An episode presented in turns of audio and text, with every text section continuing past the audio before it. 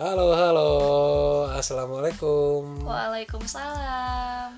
Ya, bertemu kembali di podcast Yoga Adi Pratama spesial Hari Pendidikan Nasional tanggal 2 Mei 2020. Nah, Bagaimana Bu Indri eh, Hari Pendidikan Nasional tapi nggak upacara ini gimana perasaannya? Perasaannya emangnya kita pernah upacara? Pernah Hardiknas yang itu yang pakai baju korpri gitu. Pernah. Oh iya ya. Oke, podcast kali ini aku yang memimpin ya. Oh, ini di, ini dibajak diambil alih ini. Boleh nggak? Boleh, boleh, siap lah. Kali ini kita mau membahas apa Pak Yoga? eh kita akan membahas mengenai tergantung host atuh. Mana host nanyakan ke saya. Ya kan ada yang punya channel. Nah, kita akan membahas mengenai refleksi merdeka belajar.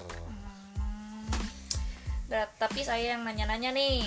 kenapa jadi saya yang ditanya ini teh atuh dah saya mah apa tuh Nggak kan Bapak lebih oke skip. Nah, silakan mau nanya apa Winry parah. Oke, yang pertama saya mau nanya nih ke Pak Yoga. Mm-mm. Eh, apa sih merdeka belajar menurut Pak Yoga itu?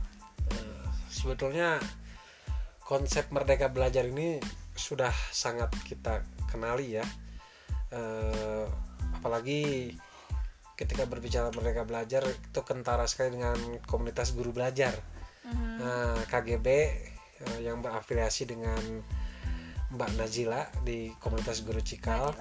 Najila Shihab itu memang mengkampanyekan merdeka belajar eh, dalam organisasinya Sebelum sebelum ada Makarim ya? ha, sebelum Nadiem Makarim sudah jauh-jauh hari namun pada dasarnya ketika saya kuliah di pendidikan Hmm. sudah banyak eh, konsep-konsep merdeka belajar yang ditawarkan dalam skripsi tesis Eh, sudah banyak apalagi yang berkaitan dengan multiple intelligence Hmm. kecerdasan, kecerdasan jama kecerdasan jama itu merupakan apa sih kecerdasan jamaah coba jelaskan Pak? Ah, kecerdasan jama itu adalah sebuah teori pendidikan yang menyebutkan bahwa siswa itu punya delapan kecerdasan. Ya, terus Eh, kecerdasannya apa aja silakan searching ya.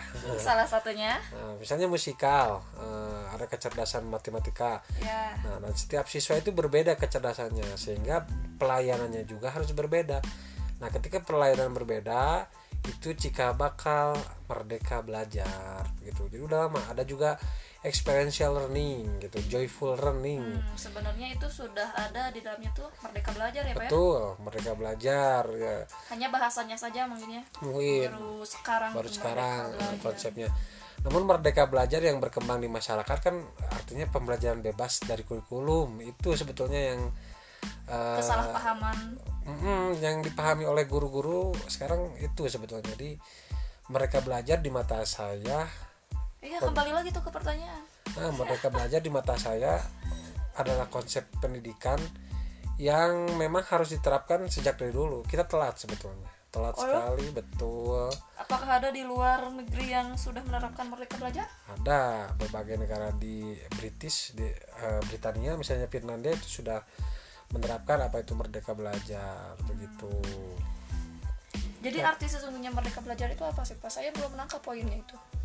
Oh, merdeka belajar itu adalah sebuah konsep pendidikan yang eh, membebaskan siswa untuk memilih apa yang Ya. ia bisa atau ia eh, tekuni atau ia senangi di sana. Tapi kalau saya mengambil definisi dari Tan Malaka, merdeka menurut Tan Malaka ini tahun 1926 loh.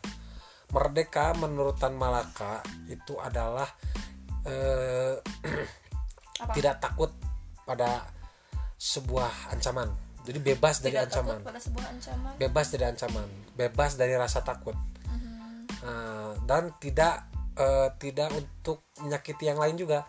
Jadi merdeka belajar dalam artian Tan Malaka itu harus membuat siswa itu bebas dari rasa takut. Misalnya Bu iya, Indri iya, iya. nih eh, takut sama matematika. Nah, dengan konsep merdeka belajar, Bu Indri tuh harus dicari mana yang Bu Indri sukai. Oh, seni. Nah, Bu Indri tuh eh, dimasukkan ke seni nah ini kan berarti ada keterkaitan antara multiple intelligence tadi yes yes, yes. Itu teori dulu loh 1926 sebelum 1926 sebelum Indonesia merdeka.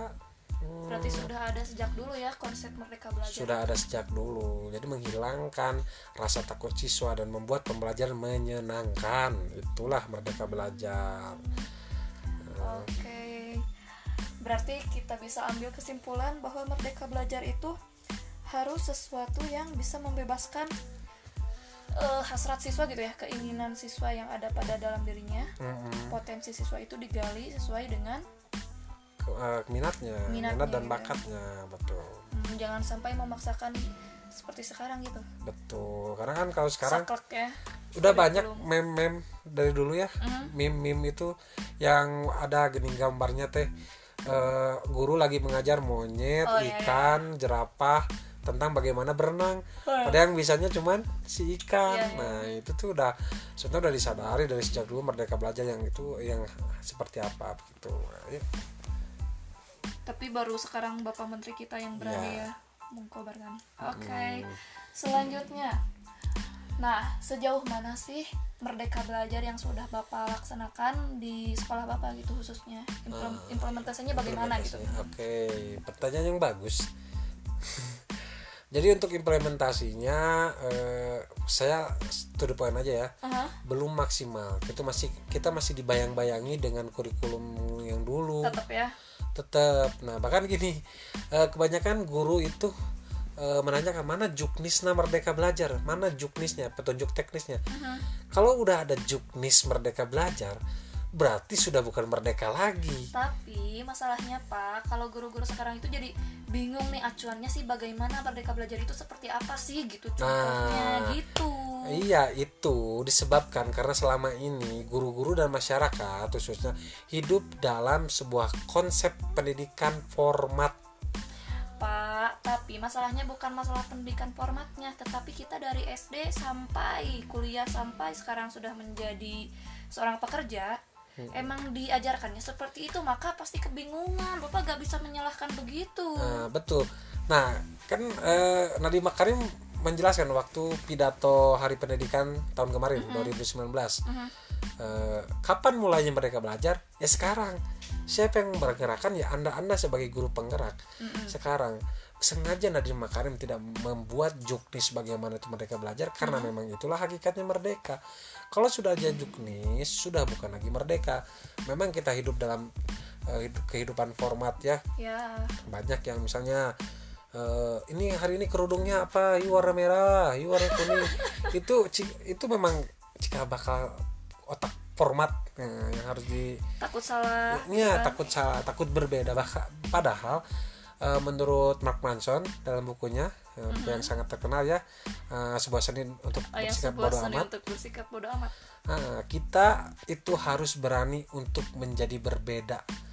Nah, sementara eh, dalam pemikiran tadi budaya format tadi menjadi berbeda adalah sebuah hal yang menakutkan. Jadi sehingga merdeka belajar tidak akan bisa diimplementasikan kalau masih nanyakan juknisnya ke mana, juknisnya mana. Ah, sebelum ada juknis mah saya mah mau melaksanakan yang kemarin wes nah kurikulum nama gitu. Jadi tadi implementasinya bagaimana ya tersendak dengan mm, berbagai macam budaya-budaya kolot yang, ma- Tuntutan ya. eh, eh, yang masih sekarang eh, jadi jiwa gitu. Menjiwai hidup dan berkehidupan di sekolah begitu. Tuntutan dari sekolah juga kan? Hmm, Iya nggak sih? tuntutan gimana? Misalnya nih tuntutannya nih eh, kurikulum harus terlaksana promes prota ini kan harus terlaksana kan? Tidak bisa Ah, bapak keluar dari itu kan? Ah. iya enggak sih? Iya, eh, merdeka tuh jadi begini Bu Indri Eh, merdeka tuh jangan diartikan bebas sebebas ya bebasnya enggak lah jadi kalau karena bebas bebas bebasnya kan nggak ada prota nggak ada promes nggak ada silabus itu juga salah. Karena eh, menurut teori anarko itu bebas bebas bebasnya adalah anarkisme. Mm-mm. jadi merdeka itu bukan bebas bebas bebasnya merdeka itu bebas yang bermartabat. Demokrasi. Ah, meskipun bebas itu mempunyai martabat artinya eh, mem- tetap mempunyai eh, sebuah acuan-acuan seperti tadi silabus eh, prota promes cuman disederhanakan dan juga Hmm, jadi tidak dan menyenangkan. Jadi eh, semua fokusnya itu ke pembelajaran ke anak. Bukan fokus administrasi begitu. Bedanya nah itu tuh masih belum bisa dilaksanakan di sekolah. Apa sih hambatan apa sih pak? Tadi apa? Selain selain daripada mm, selain daripada juknis dan juga yang jiwa-jiwa kolot itu. Nah apa hambatan. hambatannya hambatan yang selanjutnya adalah ketakutan guru-guru kita untuk keluar dari zona nyaman enggak enggak. Yang saya tanyakan itu Mm-mm. hambatan dari bapaknya sendiri gitu kan apa yang implementasinya kan bagaimana nih? Mm-mm. tadi kata bapak banyak hambatan belum sepenuhnya saya melaksanakan. Nah itu hambatannya apa? Jangan melihat dulu yang lain dulu saya tanyakan anda kalau kalau saya pribadi nih dari, Nah, itu. dari tadi saya berbicara guru guru seluruh Luar ya sana.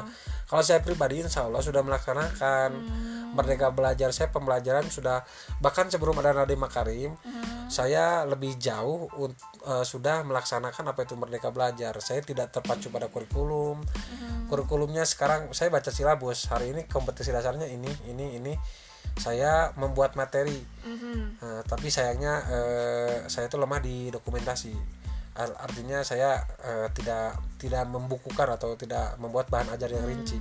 Jadi saya mengalir saja. Kalau merdeka belajar insya Allah kalau saya sudah. Mhm. insya Allah kalau saya tapi teman-teman saya di lapangan masih banyak yang belum. Nah salah satu faktor saya tidak mau keluar dari zona nyaman. Karena takut kalau merdeka belajar dilaksanakan eh ini, ini protap yang naon gitu ini promes yang naon ini silabus yang naon gitu. Berpikir nah kayak gitu. Jadi kalau Pak Yoga sudah melaksanakan ya mudah-mudahan dan harus terus kita harus optimis Oke, good job Pak Yoga. Oke, selanjutnya tadi kan implementasinya udah nih. Ini saya mau nanya harapan apa sih Bapak nih terhadap konsep apa Merdeka Belajar ini harapannya bagaimana ke depannya? Harapan bagi guru-guru, harapan ke siswa, harapan ya semuanya lah. Berbagai oke aspek. oke Eh, terima kasih Bu Henry harapannya sendiri eh, program-program Merdeka Belajar harus lebih dilaksanakan secara komprehensif Hmm, baik tataran praktis maupun tataran fundamental tataran filsafatnya. Mm-mm. karena begini karena Merdeka Belajar itu sering dimaknai hanya eh, empat program Zonasi program zonasi Mm-mm. eh, UN dihapuskan atau bukan dihapuskan diganti dengan survei karakter dan Asesmen ini. self assessment kemudian apa? Mereka belajar teh Eh, RPP satu lembar. Eh, dan ada ada perubahan dalam ujian sekolah. Nah, itu kan cuman cuman kita dipahami itu aja. Merdeka belajar itu oh merdeka belajar itu RPP selembar Hmm, Ayo RPP selembar tapi ngajarna 10 lembar.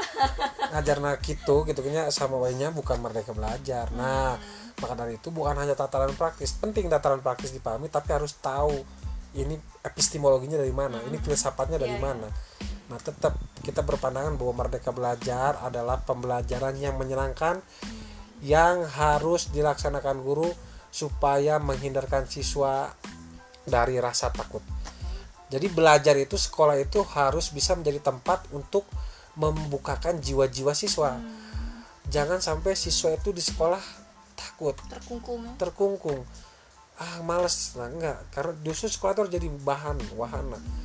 Bebas dari rasa takut itu penting. Iya, jadi untuk merdeka belajar ini penting sekali kita mengilhami eh, esensinya gitu ya pak ya Esensinya betul, Esensi betul, dari betul. merdeka belajar itu jangan hanya di permukaan oh ini harus begini harus begini ya Mm-mm. oke oke oke Nah, begitu. Jadi ya saya harap sih ke depannya eh, pemangku kebijakan harus lebih eh, memberikan pelatihan kepada guru-guru dalam melaksanakan merdeka belajar. Eh, karena eh, begini seperti mohon maaf ya saya mengambil analogi ya yang eh, barangkali kurang berkenan. Misalnya kita mengajak mengajak seseorang dari kampung nih. Hmm? Kita mengajak seseorang dari kampung ke ke supermarket Mhm. Eh, udah di supermarket sok beli we apa aja yang eh, yang kamu mau sok beli tinggal ambil aja. Rata-rata orang yang dari kampung tuh bingung. Ah eh, agak sedikit canggung. Nah begitu dengan guru-guru dengan pemikiran kolot. Sok kalau bebas kumaha itu sok bebas we. Mau belajar gimana? Mau pembelajaran bagaimana ah kumanya ah, bingung bingung. Nah karena setiap harinya dibiasakan format iya. Format itu.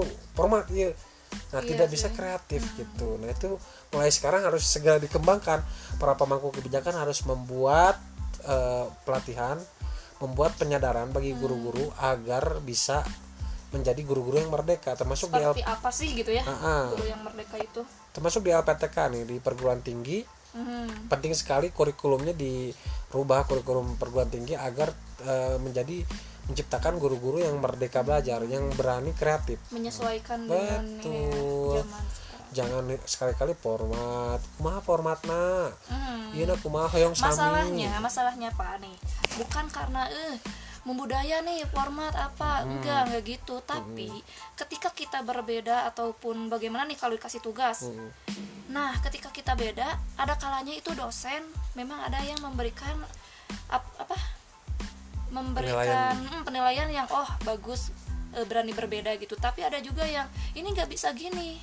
Ini harus gini gini gini harus sama. Hmm. nah itu bagaimana pak? Jadi itu jadi itu ada di dalam hati kita tuh oh berarti harusnya Iya. sama gitu. Ya, kita harus memutus memutuskan memutus. memutuskan rantai. Covid. Rantai ini karena rantai ini sudah cukup kuat. Membudaya. Nah, sudah cukup mengikat kepada kita untuk agar harus sama semua takut salah apa-apa itu harus segera segera segera diputuskan Dengan harus cara? berani berbeda dengan cara memberikan pemahaman memberikan bagaimana sih kita kreatif bagaimana sih kita berpikir kritis kita menulis Eh, minimal contohnya gini lah.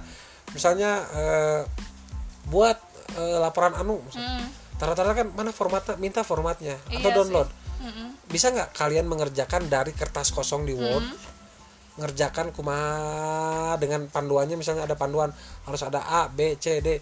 Tinggal kalian kerjakan itu sesuai esensinya. Nah kebanyakan waktu dulu nih waktu aktualisasi saya lihat banget banyak eh, CPNS CPNS nih yang mengerjakannya itu dari hasil aktualisasi yang lain diganti-ganti dari sana. Nah itu itu ada ada sedikit ketakutan untuk eh, berbeda.